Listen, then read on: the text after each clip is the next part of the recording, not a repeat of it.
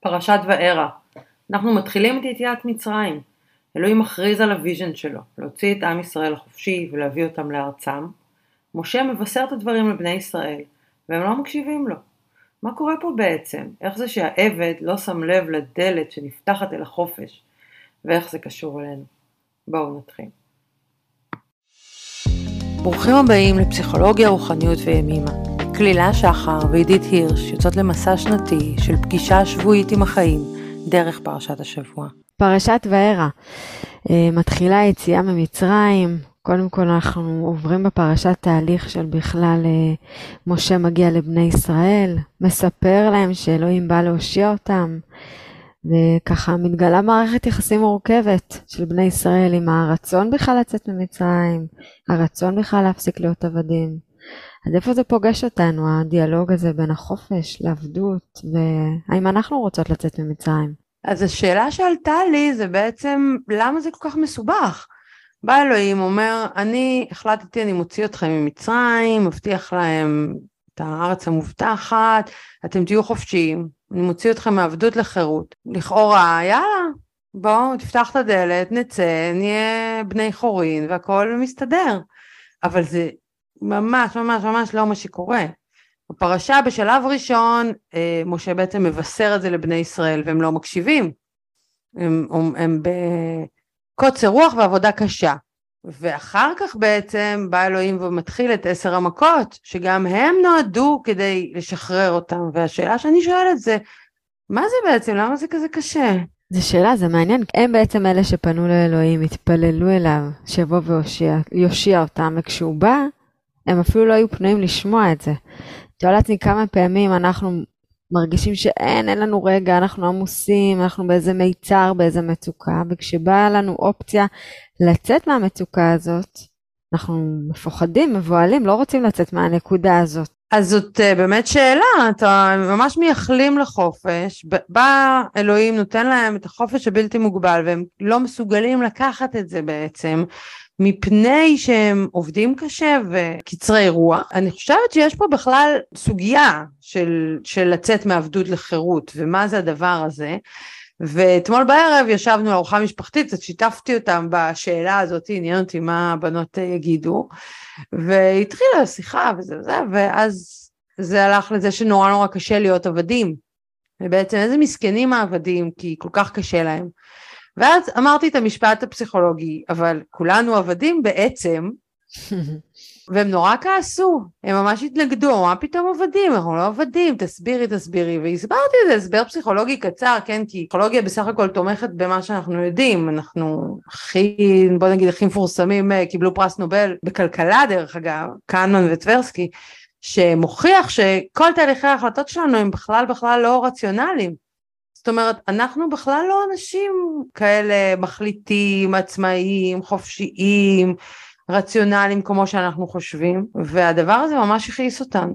אז השאלה אם אנחנו כולנו עבדים, האם אנחנו בכלל יכולות לצאת לחופשי? אז בעיניי, בשביל לצאת לחופשי אתה קודם צריך להבין שאתה עבד, נכון? אם אתה לא עבד ואתה חי באשליה שאתה חופשי, אז אתה לא תצא לחופשי. שאלה מה זה חופש? כן, בואי ניקח את העבד, מה, מה, מה הופך אותו לעבד? שיש איזה מישהו או משהו שכל הזמן קובע לו, נכון? אומר לו עכשיו אתה תעבוד משעה הזאת עד שעה הזאת, תעשה ככה וככה, אין לו בעצם איזה מרחב הזה להחליט, לעשות דברים אחרת? זה, זה, זה עבד? אני חושבת שאולי עבד זה תודעה פנימית שבה אני חושבת שלא אני מנהלת את הדברים, אלא משהו מנהל אותי, ואני כל הזמן צריכה לוותר על מה שאני רוצה, כי יש משהו שצריך לעשות, ומשהו שהוא יותר חשוב, או אני באיזה עמדה פנימית כזאת, שבה לא אני מנהלת את החיים שלי, ואני כל הזמן אה, מובלת, מנוהלת, ואז העמדה נורא נורא מקווית. אני רוצה אפילו להגיד משהו, פירוש של רש"י יפה על המשפט הזה שהם לא הקשיבו למשה מקוצר רוח מעבודה קשה.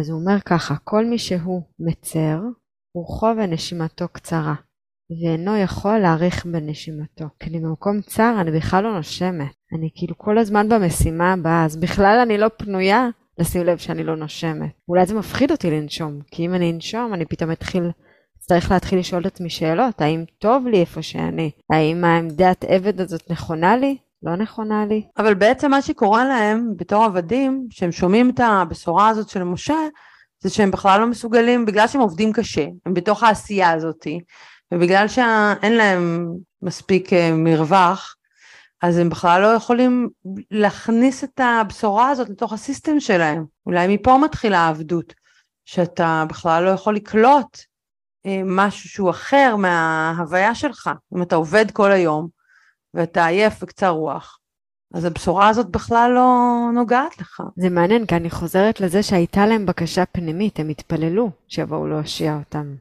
אז אולי יש פה מקום שבו לפעמים עולה בך איזה קול שאני רוצה אחרת בחיים שלי, אבל יש פער בין זה שאני רוצה אחרת לבין מה קורה בפועל כשנפתחת לי הדלת למשהו האחר הזה. ואז אני עודפת את זה מבהלה. כן, אני חושבת שתראי, הסיפור הפסיכולוגי הוא בדיוק, הוא בדיוק זה, זאת אומרת, בעמוק עמוק שלנו אנחנו יודעים שאנחנו עבדים. אנחנו עבדים, זה לא יעזור לנו. פועלים תחת המון המון כוחות פנימיים וחיצוניים ופשוט מגיבים אליהם. אבל יש לנו איזו תפיסה עצמית שאנחנו לא. Mm. יש לנו איזו תפיסה עצמית שאני בן אדם רציונלי, בוחר, חופשי, והפער הזה זה העניין. כי זה, כי אם אני באמת מבינה שאני עבד, אני וואי, אני אעשה מלא דברים כדי אה, לא להיות, אבל כל עוד אני לא מבינה את זה, אז אני ממשיכה בקוצר רוח לעשות את הדברים הרגילים שלי, ואני בכלל לא שמה לב לפער הזה. אני תוהה לעצמי, אז מה ניתן לעשות? כי אם אנחנו כולנו עבדים, וכולנו באיזה מחשבה של העתיד שאנחנו לא עבדים, אז איך בכל זאת אנחנו מגיעים לחופש? אז אני גם שאלתי את השאלה הזאת, ואז עקבתי אחרי הפרשה, ובעצם הדבר הבא שקורה, אחרי זה שהם מסרבים לשמוע את משה, זה שבעצם אלוהים מתחיל את התהליך של עשר המכות, ויש לציין שהוא אומר במפורש שהוא הולך להקשות את לב פרעה כדי להצליח לעשות את כל הפירוטכניקה הזאתי ולהרשים את כולם במכות, זאת אומרת המכות האלה לא באמת נועדו כי פרעה לא היה משחרר, אלוהים מארגן את המופע הזה ואני חושבת שאולי זה קשור כי בעצם אולי הוא בא אליהם אה, לבני ישראל העבדים ואומר להם בואו תתחילו להאמין, השלב הראשון זה אמונה, אם לא mm. תאמינו בי שאני יכול להוציא אתכם לחופשי, איך תצאו לחופשי? אז אולי יש פה כמה דברים, זה גם התמסרות התמסרות לתהליך החופש, כאילו להסכים רגע לשחרר את תודעת העבד ולהגיד קורה פה משהו שאני צריך להתמסר לו, גם אני לא כל כך מבין. אבל הדבר הנוסף זה אולי המכות מלמדים אותנו שיש פה שלבים. אני לא מהר יכולה לעבור מתודעת עבד לתודעת חופש. זה מתחבר לי, להייתי, היינו השבוע בחופשה, וזה מתחבר לזה שהרבה פעמים יש בנו איזה רצון להיות בחופש, וכל התפאורה מתאימה תפאורת חופש, אבל אם אני נמצאת עדיין בתודעת עבד ומעסיקים אותי הרבה דברים ומשימות, אז זה לא משנה שהתפאורה היא חופש.